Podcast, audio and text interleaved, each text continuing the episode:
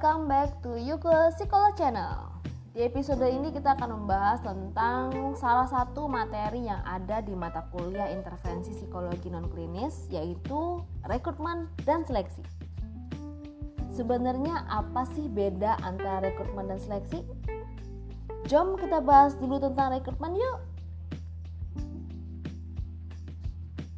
Sebelum kita bahas lebih jauh tentang rekrutmen dan seleksi, ada nih seorang tokoh bernama John Chambers. Beliau adalah CEO dari Cisco System. Beliau mengatakan, untuk membangun organisasi yang sehat, semuanya diawali dengan proses rekrutmen dan seleksi yang tepat terhadap orang-orang yang tepat.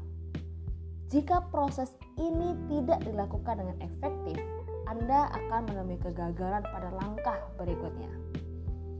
Hmm, ini jadi semacam motivasi bagi perusahaan yang akan melakukan rekrutmen dan seleksi maupun bagi calon pelamar pekerjaan dari organisasi atau perusahaan tersebut.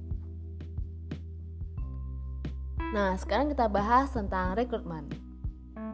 Rekrutmen adalah serangkaian kegiatan yang dimulai ketika perusahaan atau organisasi memerlukan tenaga kerja dan membuka lowongan sampai mendapatkan calon karyawan yang diinginkan sesuai dengan lowongan tersedia. Artinya, sesuai dengan persyaratan jabatan yang akan dilamar. Tujuannya untuk mencari sebanyak-banyaknya pelamar sesuai dengan lowongan yang tersedia dengan biaya seminimal mungkin. Apa dasar dari pelaksanaan rekrutmen itu sendiri?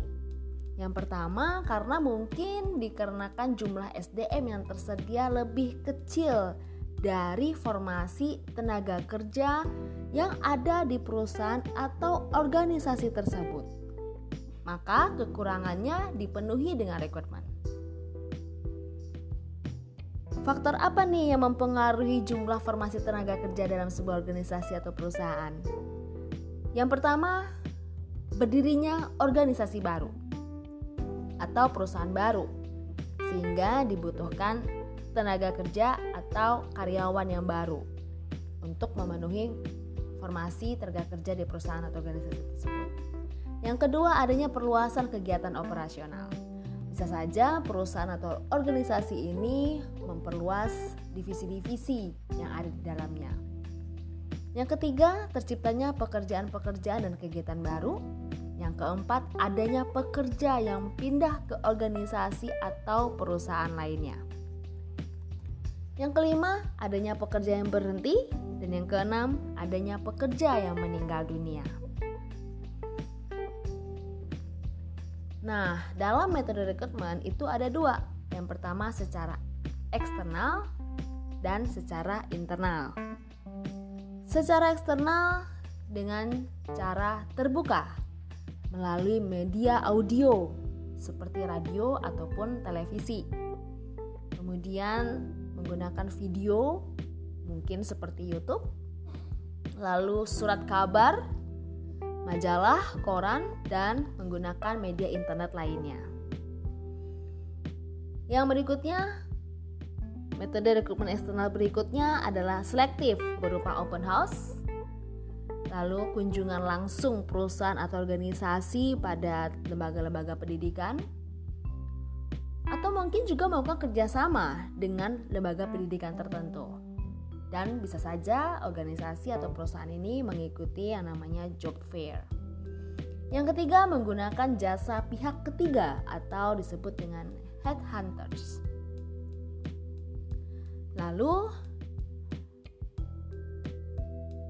secara eksternal tadi juga kita perlu tahu nih tujuan daripada rekrutmen itu. Yang pertama, mendapatkan tenaga kerja yang memenuhi persyaratan kompetensi yang dibutuhkan untuk mengisi formasi jabatan dan formasi tenaga kerja yang kosong atau akan kosong. Gunanya adalah untuk mengoptimalisasikan sumber daya di organisasi atau perusahaan tersebut. Yang kedua, menjamin kontinuitas ketersediaan tenaga kerja untuk mendukung usaha pencapaian sasaran kinerja dari perusahaan atau organisasi itu. Tahapan rekrutmen.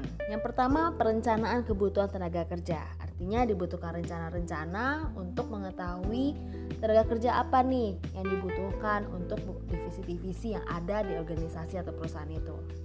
Yang kedua, penentuan sumber rekrutmen. Seperti yang kita bahas tadi, bagaimana cara melakukan uh, rekrutmennya, apakah dia menggunakan media atau job fair dan lain sebagainya.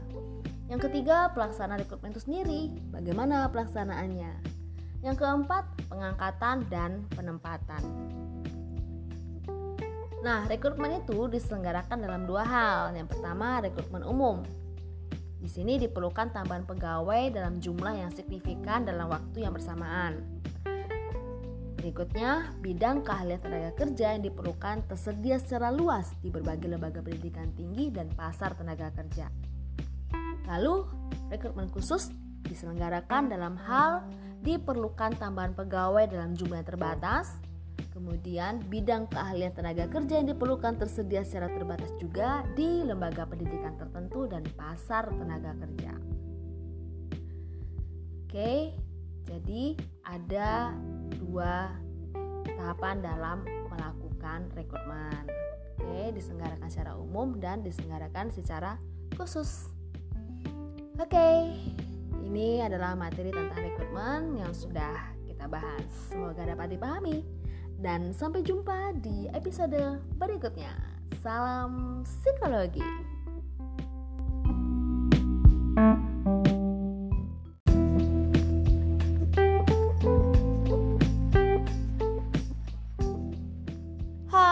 Welcome back to Yuka Psikologi Channel.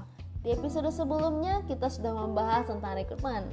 Nah, episode kali ini kita akan membahas lanjutan tentang rekrutmen dan seleksi. Jom kita bahas yuk. Episode sebelumnya kita sudah bahas tentang pengertian rekrutmen dan tujuan daripada rekrutmen itu sendiri. Lalu kita juga udah bahas tentang metode rekrutmen eksternal. Kita juga sudah membahas tentang tujuan rekrutmen dan tahapan rekrutmen juga bagaimana rekrutmen itu dilaksanakan yaitu secara umum dan secara khusus. Oke, sekarang kita akan bahas tentang seleksi. Seleksi adalah serangkaian tahap yang spesifik untuk memutuskan pelamar mana yang akan diterima untuk ditetapkan sebagai karyawan dalam suatu perusahaan. Tujuannya untuk memilih pelamar yang paling sesuai dengan kebutuhan perusahaan. Muncullah istilah right man on the right place and on the right time. Jadi ini adalah kayak implikasi jangka panjang bagi perusahaan atau organisasi tersebut maupun bagi karyawan yang akan melamar. Nah, di tahapan seleksi itu ada dua hal yang harus diperhatikan, yaitu reliabilitas dan validitasnya. Reliabilitas artinya dapat dipercaya. Contohnya menggunakan tes IQ. Tes IQ cenderung hasil IQ seseorang itu tidak akan mengalami perubahan. Sehingga diperlukan reliabilitas yang artinya ada konsistensi pengukuran yang dapat digunakan sepanjang waktu. Hal yang kedua adalah validitas hasil tes sesuai dengan kinerja pekerjaan yang nyata. Jadi disesuaikan dengan karakter daripada pelamar tersebut maupun tentang bidang yang dilamar. Nah, ini contoh tahapan seleksi secara umum. Ada tujuh tahapan seleksi. Yang secara umumnya, yang pertama seleksi administrasi berupa pemeriksaan berkas, baik itu CV maupun ijazah-ijazah yang mendukung lainnya. Yang kedua ada seleksi akademis berupa tes akademis. Yang ketiga, seleksi psikologi berupa tes intelijensi, tes kepribadian, karakter, dan sikap. Yang keempat adalah seleksi wawancara berupa identifikasi minat, motivasi, maupun sikap kerja daripada si pelamar itu sendiri. Yang kelima, tes khusus. Melakukan penyesuaian atau mencocokkan atau matching competition. dengan bidang yang dilamar terhadap calon pelamar tersebut. Yang keenam adalah tes kesehatan. Yang terakhir disebut program prajabatan atau biasa dikenal dengan on the job training. Nah, tindak lanjut daripada seleksi ini bagi calon pegawai baru diklat prajabatan dilaksanakan di Balai Pendidikan dan Latihan atau institusi yang ditunjuk yang kemudian dilanjutkan dengan OJT atau on the job training.